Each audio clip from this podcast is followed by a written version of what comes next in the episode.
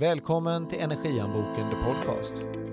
Kunskapspodden för oss som vill sänka energiförbrukningen i fastigheter med mer än 40 procent. Tjenare Mats! Ja, men tjena Kai. Hej. Hur är det med dig då?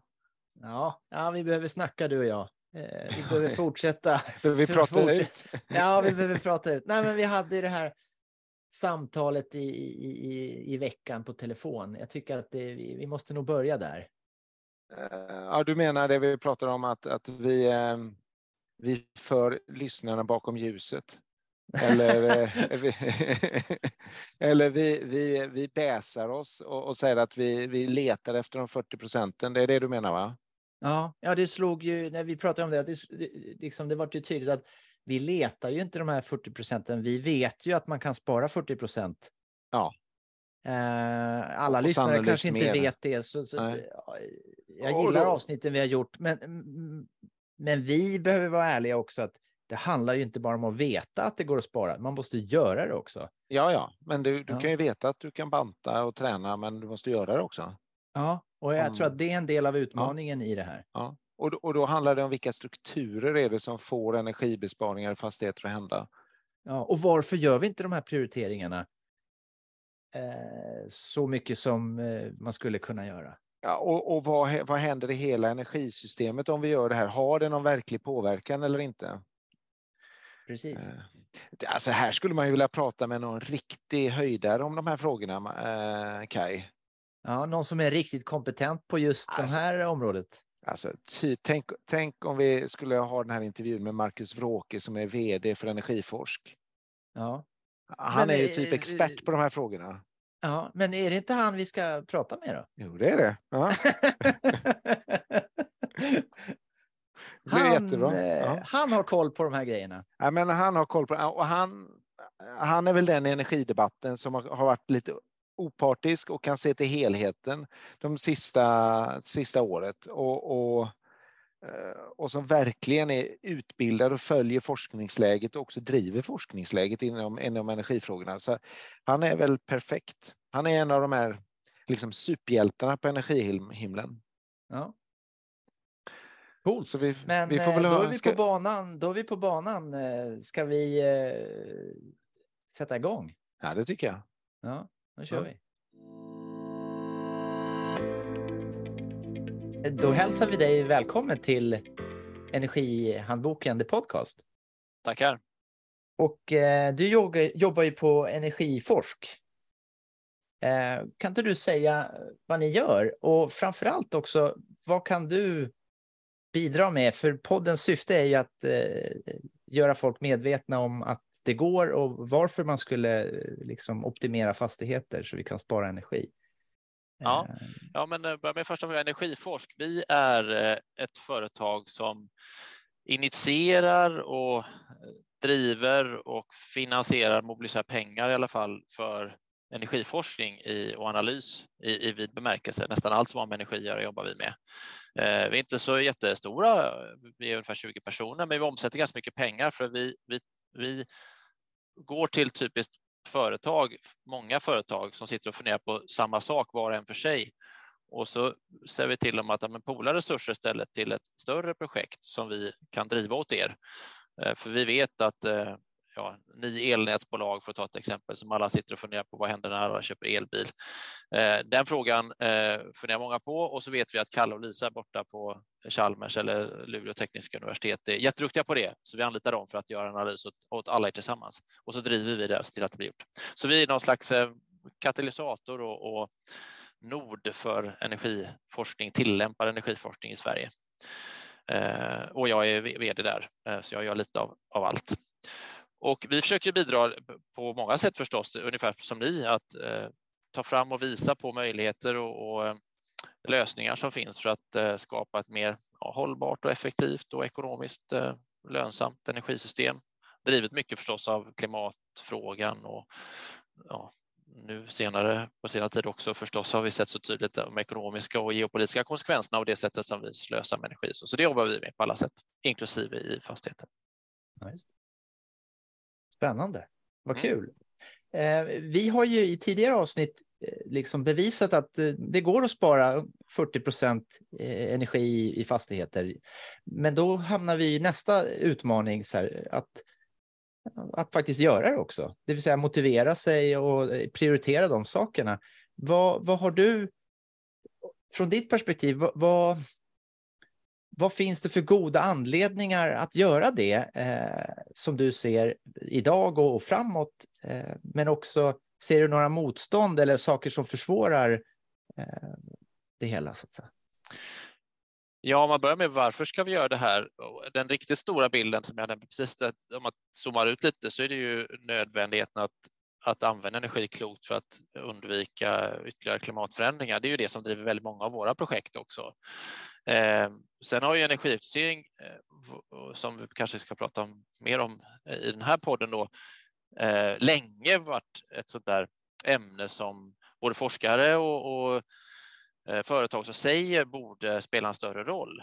Eh, och, och, då kan man ju fråga varför har det inte hänt? Och, och, och då är man på det här med motstånd och så där. Att, ja, delvis så tror jag det har att göra med att eh, det har inte varit så lönsamt, i alla fall inte i, i länder som Sverige. Det har varit väldigt billigt med energi och, och el, så det, det, lite av det här argumentet att det är så lönsamt har varit svårt att motivera kanske eh, utifrån i alla fall vårt sammanhang i Sverige. Men sen finns det också eh, kunskap, alltså sådana som ni kommer inte ut hit mycket och, och kanske visar på att det går att göra mer saker än man tror. Eh, men ännu viktigare kan nog vara, tror jag, att ofta så är det andra saker som är ännu högre prioriterade, kanske ännu mer lönsamma också. Eh, så det mm. blir en konkurrens om personella resurser och, och kanske också ibland ekonomiska resurser så, så, väljer man andra saker därför att energieffektivisering och använda energi mer klokt det är inte så säga, kärnverksamheten. Så att det tror jag eh, i synnerhet när det handlar om att spara energi på kringgrejer. Så om man är bra på att, om man är en kemiindustri så kanske man är jättebra på att göra sina kemikalier, men de stora effektiviseringarna kanske ligger lite utanför den här kärnprocessen och då blir det svårare. Så att det finns massor med saker som gör att det här inte har hänt i den utsträckning som vore ja, lönsamt eller optimal ur och definitivt ur samhällssynvinkel, men kanske också för ett företag för man gjorde andra saker. Ja, vad, jag vet inte vad du säger där, men jag, jag tror att energibesparingar handlar ju kanske mer om kultur, det vill säga det är tusen små saker som ska göras hela tiden, ganska långt ner i organisationen det, det, är sällan du kan köpa en stor fräsig maskin för ett par miljoner och så liksom, som du kan liksom göra en investering på så bam så har du gjort den här energibesparingen och så kan du liksom visa den i sociala medier och i årsredovisningar och så här. Utan det, det, är mm. snarare att bygga en kultur där man, där man ska spara hela tiden och tänka lite extra och, och, och så där. Ja, det är ju svårare och en långsammare sak att kostar inte så mycket att införa eh, men, men, men tar längre tid. Liksom. Ja, nej, men absolut eh, så tror jag att det ligger mycket i det. Och mm, jag kan inte tillräckligt väl som, som ni som jobbar liksom i fastigheterna och så eh, på den detaljnivå som man måste ha också för att kunna göra de här eh, förändringarna i, i vardagen. Så att säga. Men, men, men så, där jag befinner mig eh, liksom i den här diskussionen är ju en, en på en annan, ett annat ställe eller en annan nivå, eller på säga. men mm. även politiskt kan man ju se samma dynamik lite grann. Det är mycket lättare att prata om enskilda tekniker i en synnerhet när man ska vara snabb och i en debattsituation och så. Det är mycket lättare att hålla sig i, men jag tror att vätgas kommer att vara lösningen eller kärnkraft är lösningen eller elbilarna är lösningen. Liksom. Mm. Eh, och, och, även eh, än att säga att ja, men jag tror att den här jättelånga listan med massor saker, stora och små, det är det som är lösningen. Det, mm. det, man har inte tid att säga det och än mindre förklara vad man menar. Så, så att mm. det gör i sig att det blir svårare att föra ett samtal om det och, mm. och då blir det också svårare att, att stifta lagar och driva på. Och det gäller säkert tror jag också i, i styrelserum och ledningar och företag och så där som, som, precis som du säger, gör att det bromsar lite. Men har du något exempel där, där du har sett att det där har skiftat? Har du hört eller varit med om där, där den där långa listan eller där energibesparingar har liksom tippat över och blivit coolt, typ, eh, som man har börjat prioritera? Eh, ja, alltså, jag absolut tycker att det hände någonting i september i fjol. Det känner jag verkligen. Alltså jag, har ju, jag har jobbat ganska länge med, med energi och så och energifixering och ibland så har jag ju förmånen att få prata om det i, i mediala sammanhang och så och nästan alltid är det så att tidigare om jag har pratat om energieffektivisering eller gud förbjuder besparingar av en, energi så är det många som blir arga. Eh, därför det upplevs som att lätt att det blir pekpinnar och att eh, jag inte förstår liksom att eh, om jag är bagare så kan jag inte spara för att ugnen är där ändå. Jag kan inte flytta, jag kan inte baka pizzorna på natten för det är unga gäster. Alltså, alltså det finns massa argument som, mm. som är, är, ibland är helt relevanta, men ibland också är tror jag, drivna av ja, den här känslan av att någon lägger sig i vad man ska göra och så. Och det gör att det har varit svårare, mycket lättare att prata om andra saker som att bygga grejer och så. Mm. Men eh, det hände någonting då i september i fjol när det var så fruktansvärt dyrt med energi och el i synnerhet då. För vi på Energiforsk vi gjorde en, en analys då eh, av vad, vad skulle vi kunna göra för att få ner de här elpriserna? Eh, och då visade det sig att, att minska elanvändningen var det särklass effektivaste och, och snabbaste sättet att på kort sikt då liksom få ner de här priserna. Och, och lite av en slump, men också för att vi hade på känn att det skulle komma nya regler kring eller eh, EU-politik på det där och ett mål om att spara el, så, så sammanföll det då så att det blev ett stort medialt intresse för det. Och det var, det var som att dra ut proppen tyckte jag. Att då gick det från en valrörelse som var precis innan som bara handlade om egentligen kärnkraft eller vindkraft till en höst som jag ändå upplevde var mycket mer konstruktiv när vi pratade om hur använder vi el, när använder vi el och, och energi i bredare vidare bemärkelse. Så att jag tycker att det var ett exempel på när det plötsligt sjönk in hos många människor att det här det är inte bara en sida av den här energiekvationen, nämligen tillförsel, distribution av energi som jag pratar om, utan också prata om hur och till vad och när och var vi använder energi, det också är viktigt. Och det mm. var det var som en uppenbarelse tror jag för många och jag var, ja, det, det ändrade min vardag väldigt mycket för det var sånt enormt intresse för, för de här frågorna. Men eh, så säger du att det, det blir inte, folk blir inte motiverade utan de blir mer hotiverade. Alltså när, när priserna går upp och det blir som ett hot och då agerar man på det och, och eh, det som hände i höstas ja, var alltså, som ett hot, eller? Ja, men delvis är det nog så i och för sig att, att eh, skrämsel är ju på, på ett sätt, eller ekonomisk verklighet får man säga, att det var ju många eh, som på allvar hade stora ekonomiska problem när elen var så, så dyr som den var eh, förra året och över vintern. Men ja. jag tror att det som gjorde att den här analysen vi gjorde fick så enormt genomslag, det var inte bara att det var så dyrt med energi, för det, den visade att eh, ja, såklart så spar, om man använder mindre el eh, så sparar man ju pengar för att man köper färre kilowattimmar. Men det visade också att om jag och min granne och min grannes granne och min grannes grannes granne sparar el så blir det väldigt fort en effekt på priserna på el också. Man får liksom mm. en kollektiv samhällseffekt som är jättestor. Och, kan du säga något om det i, i liksom jättestor i siffror så att vi får en känsla ja, men för... Vi, vi tittade då, det vi gjorde var att vi liksom försökte simulera elpriserna. Vi stod i september och tittade på om vi inte gör någonting, vad kommer elen kosta över vintern, alltså den julen som precis var då. Och då såg vi att ja, det kommer bli jätte, jättedyrt. Och vad, gör vi, vad händer om vi sparar 5, 10 eller 15 procent i Europa och i Sverige?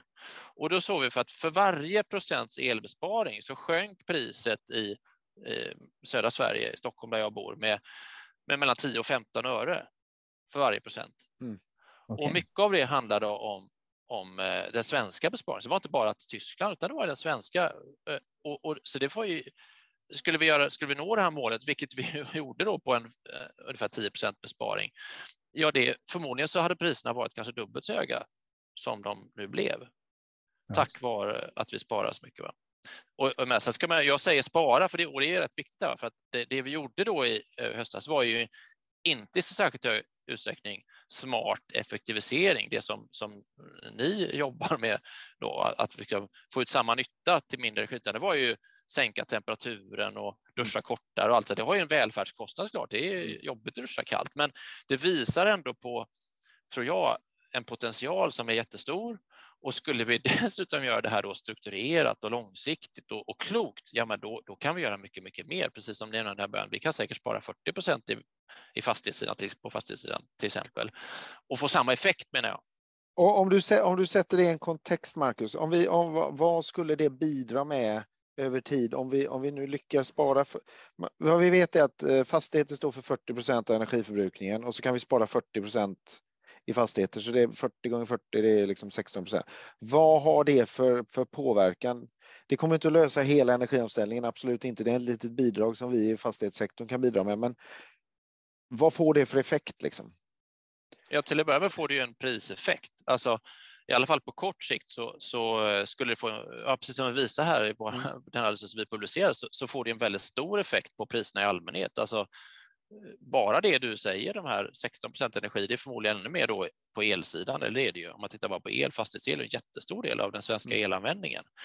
Och så du skulle ju få eh, som konsument i största allmänhet lägre priser. Tittar man lite längre så är det ju tror jag, helt avgörande för våran möjlighet att nå de energi och klimatpolitiska mål vi har i Sverige och ännu mer i Europa.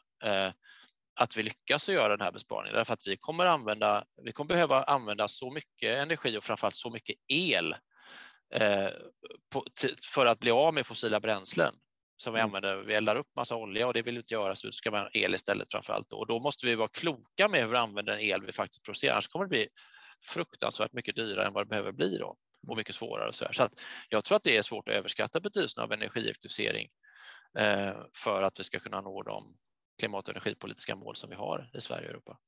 För menar, det, det, ena är att vi kan spara energi. Va? Det andra är att vi kan flytta energi. Eller, och, och så här, det kan man inte göra. Men man kan flytta förbrukning till tidpunkter när, när efterfrågan inte är så stor. Det så här, jag kan slänga på diskmaskinen och köra den på natten. Jag kan tvätta tvättmaskinen på natten.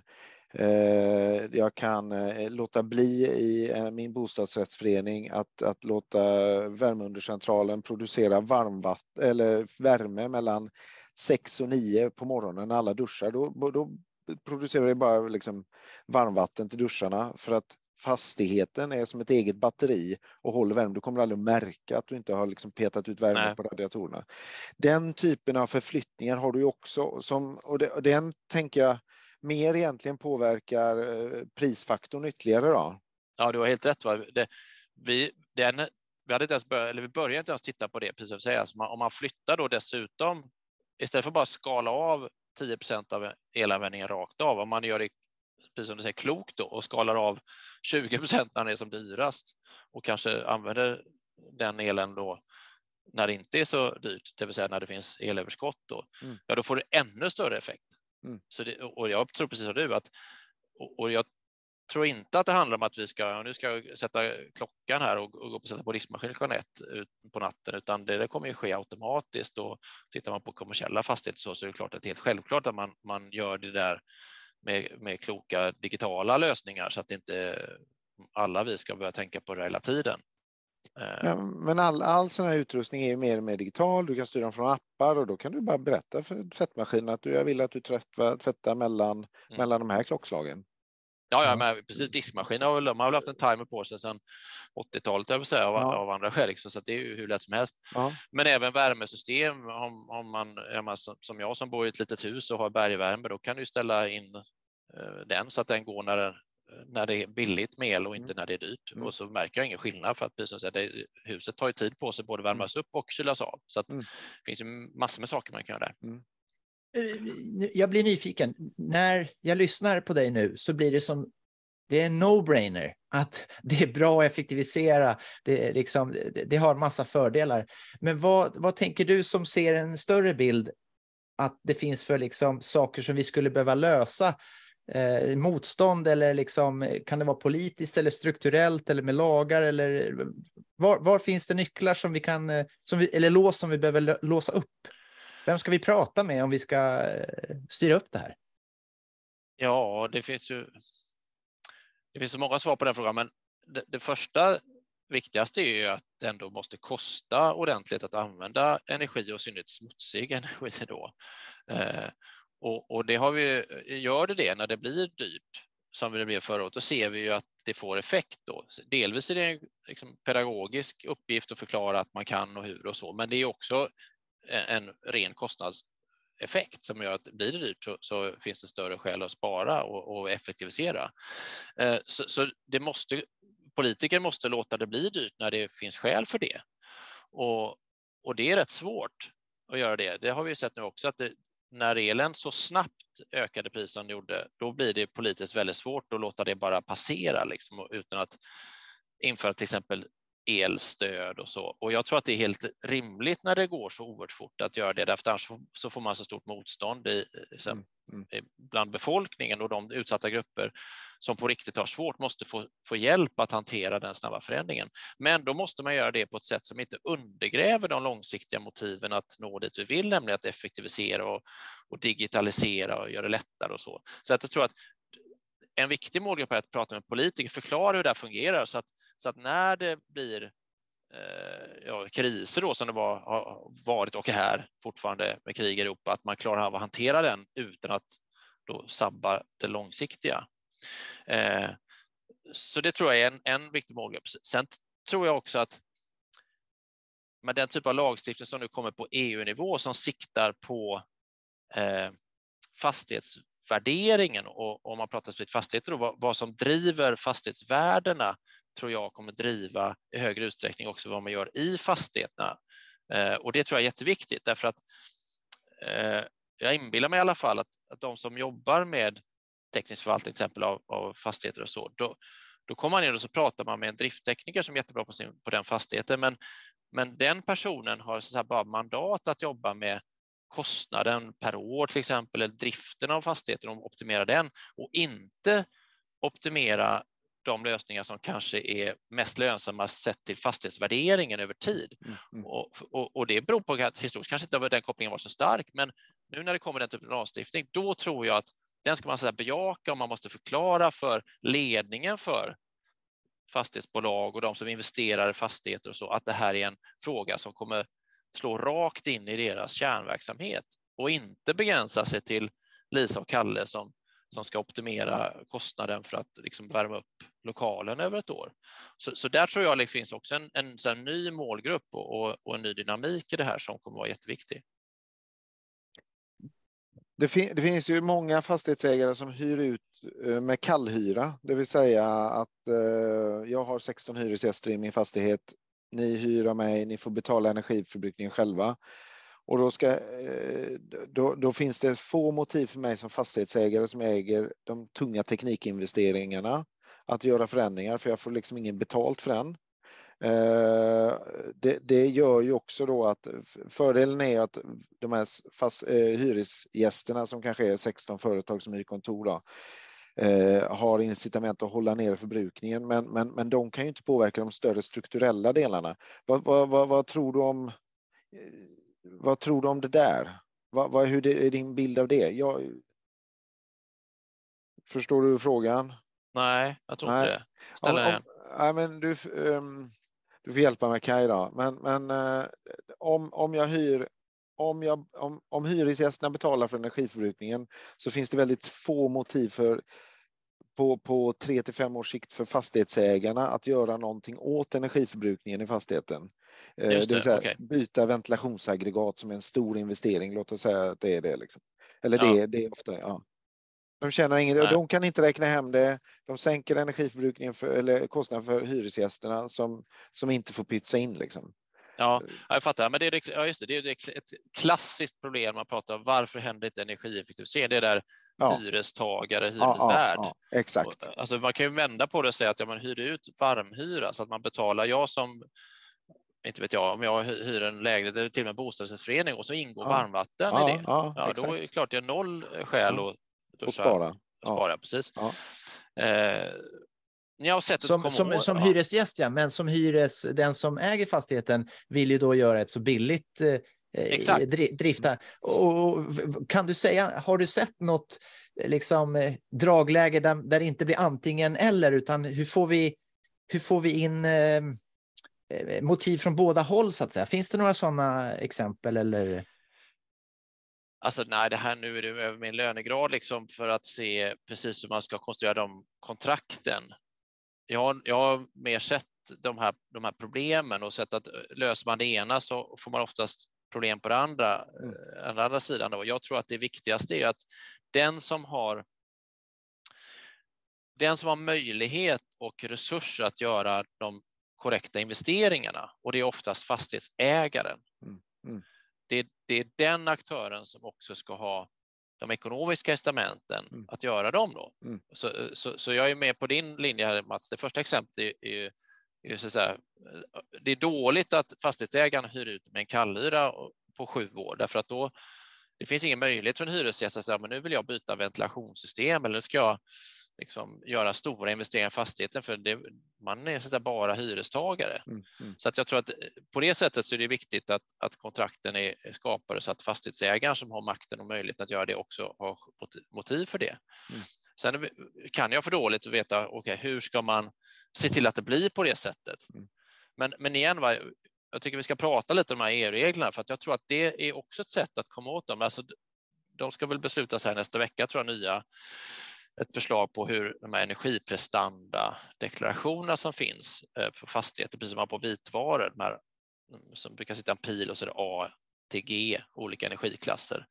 Det har vi även på fastigheter och de kommer få mycket större betydelse och, och där tror jag fastighetsägaren kommer att ha mycket större skäl att också göra de här investeringarna och se till att det inte blir kallhyra kanske. Man, här, man vill behålla det inom sin egen beslutssfär. Eh, på ett sätt som man inte haft motiv till för. För, för det, det handlar ju om en kompetensfråga i fastighetsbolagen. Om, om, om det där är en stor möjlig besparing och jag har kompetens och förmåga att hämta hem den, då vill jag ju inte liksom, då, är, då blir det långsiktigt ett konkurrensmedel mot att locka till med hyresgäster med lägre hyra. Exakt. Tänker jag.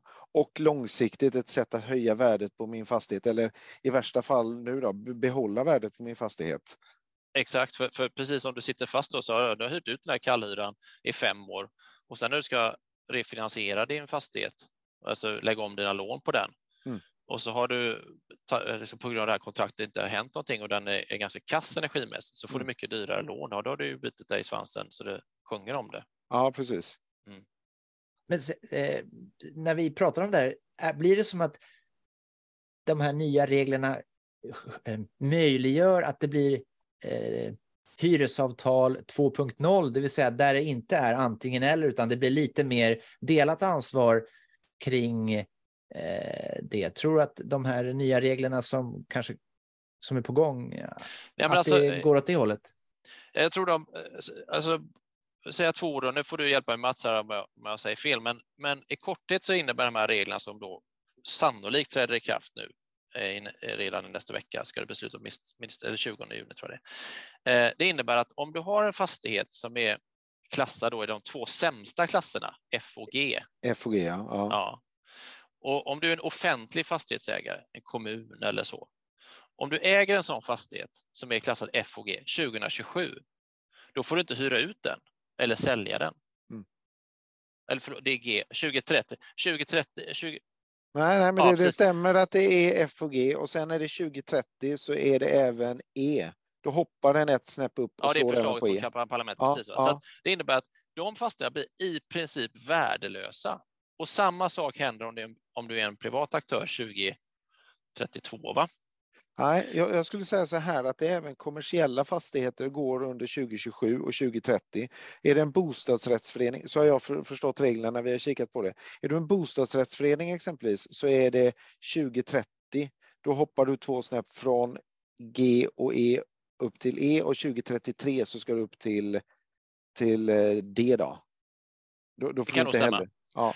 Så... Men, så, men, men om kokar ner det, så liksom summa det här i alla fall, snart, alltså det här, vi pratar ju fyra år bort, mm. så innebär att en stor del av det europeiska fastighetsbeståndet riskerar att bli i princip värdelöst mm. om man inte gör någonting. Det ändrar liksom radikalt dynamiken, tror jag, i och lönsamheten och, och, motiven för att investera i energieffektivisering. Mm. Jag tror det är svårt, det, det, har inte sjunkit in hur, hur oerhört långtgående det här kan få i termer av konsekvenser för energieffektivisering och vad som är, vad som är rimligt att göra. Nu börjar man på, på ena sidan offentliga, men det kommer ganska snabbt då i, i alla fall i, mm. i, våra, med våra mått mätt då, i energisammanhang mm. röra sig eh, att omfatta en, en jättestor del av det totala fastighetsbeståndet. Det tror jag absolut kommer påverka vilka kontrakt man väljer att skriva fastighet. Annars är man ju inte så klok. Va? Om man ger bort det här och avsäger sig möjlighet att, att påverka vilken energiprestanda man har, då, då riskerar man att stå med Svarte Petter. För ingen det, det, kommer vilja ha de här fastigheterna. Och det som är lurigt i det där, det, och så kan man bara för att sätta det i en kontext då, så är det, jag tror att det är i eh, kommunala fastigheter och kommersiella fastigheter så tror jag det är någonstans 20, 15-20 000 fastigheter som behöver höja sig minst ett steg eh, i, i ja. den energiklassningen. Och, och det luriga är ju att Ska du höja dig och göra en ny energideklaration, då måste du också bevisa, så du måste ha kört kåken ett år för att kunna redovisa att du kan inte teoretiskt säga att vi har gjort de här förändringarna och nu får vi en ny energiklass, utan du måste visa med verklig data. Så, så redan 2026 måste du ha gjort de här ja. eh, åtgärderna för att liksom använda 2027 till att, till att bevisa det. Så att, och det är ju bråttom då att, att, att sätta igång, tänker jag. Ja, verkligen. Och jag tror att det, det, en annan aktör, en grupp aktörer som jag har vaknat eh, i alla fall till del är, är banksidan då, därför att mm.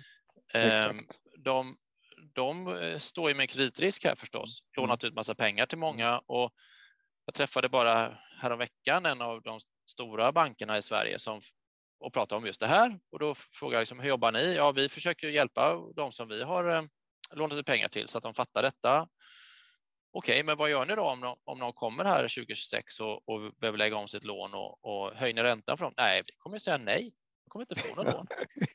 det, då Jaha, vi inte ränta, vi säger nej. Ja, ja för, men vi kan inte bara höja räntan. Ja, för att vi har ju våran i andra änden så finns liksom våran, in, våran kapitaltäckningskrav och så som vi har och vi måste ha en viss profil i våran portfölj. Mm. Och har vi inte den, ja, då stiger våra kostnader över hela linjen. Då är det bättre för oss att säga att tyvärr Mats och Kaj, ni som äger de här fastigheterna, ni får ingen lån hos oss. Vi tappar lite pengar på er, men det, vi förlorar ännu mycket mer om vi har kvar er. Mm. Så att det, jag tror att det här är, det är inte, vissa aktörer har ju mycket att tjäna på att de kommer få lägre, lägre räntor, men vissa kommer upptäcka att de har inga räntor alls. Mm. Så att jag tror, det här igen, va, det, det, det ändrar, tror jag, vilka personer, lite krasst då, in, inom den här hela sektorn som, som kommer intressera sig för energifrågan får nästan lite, jag får nästan lite ståpäls när jag föreställer mig hur, hur framtiden kommer att se ut. Att det blir liksom som ett slag i magen. Vi, vi behöver göra någonting åt det här. Det, det känns ju som en, som en spännande och eh, ja, ja, måste vi sätta igång. Otroligt eh, spännande är det. Och, och, ja. och, det finns en uppsida förstås också. Man kan ju, tror jag, som fastighetsinvesterare tjäna mängder med pengar också. Man kan ju ta bruna fastigheter, lite, mm. om man uttrycker slarvigt, då, de här sämsta och lyfta dem. Mm. Eh, Köpa och, billigt, sälja ja, dyrt. Mm. Exakt, och i andra änden här finns ju taxonomi, den här, det här begreppet som många eh, pratar om men få förstår, som är, som är ett, ett sätt att definiera vad som är hållbart i ett EU-perspektiv. Mm. Eh, det kommer också påverka därför att de två bästa klasserna, A och B, i den här eh, energiklassningssystemet, de då de bedöms ju vara taxonomy aligned, som heter, alltså var, vara inom ramen för det som räknas som hållbart. Och då får man en premie å andra sidan. Då. Mm, mm. Så, så, så, det finns ju båda ändarna här en, en drivkraft som så får vi se precis som man definierar här. Det finns ju massa detaljer här som inte är, är, är fastställda nu som kommer påverka förstås. Mm. Eh, men, men eh, själva principerna är ju otroligt spännande tycker jag. Wow. Och sen så har du ju nästa, det är en annan grej som jag skulle vilja prata om också. Du, du har ju en Fastigheter kan ju bidra med balanseringstjänster i elnätet. Ja. Det vill säga i peakperioder så skulle jag kunna säga att eh, jag stänger av mitt ventilationssystem en halvtimme. Gör jag det i en större eh, kontorsfastighet så är det ingen som kommer att märka det på en halvtimme. Du, du har tillräcklig luftväxling. Du har, men en 20 minuter, 30 minuter och då kan jag liksom sälja, sälja den peak-effekten och, och hjälpa till att balansera Eh, elsystemet. Där har du nästa stora pilsner för, för större fastighetsägare att jobba med. Ja. Vad, vad tror du om det, Marcus? Vad, vad, den där typen, vad, vad Smarta fastigheter det, eller? Ja, och, och hur mycket balanseringstjänster behöver vi? Eh, och, det, och då jag funderar jag på, eh, kan vi sänka den totala energiproduktionen utifrån när vi räknar hur många terawattimmar vi behöver om vi kan om vi i höjd peakperioder kan jobba med balansering och så där och flytta, flytta produktion till nätterna och så. men det är väl två lite olika saker tänker jag. Dels är det att sänka hela den totala energianvändningen. Ja, Då är det en sak, optimera det för det. Ja. ja. och det, an, det andra som du pratar om, det är hur kan man då genom att flytta i tiden framför allt då eh, även hjälpa systemet som helhet och det, det tror jag inte nödvändigtvis sparar energi behöver det inte göra. Det, det, är ändå viktigt och det finns pengar att, att tjäna. Ja, men du, du sparar ja. piklasten, det vill säga det, den en, vi säger att den, vi, vi behöver ha, vad är det, 400 terawattimmar eller något sånt där när de säger att vi behöver.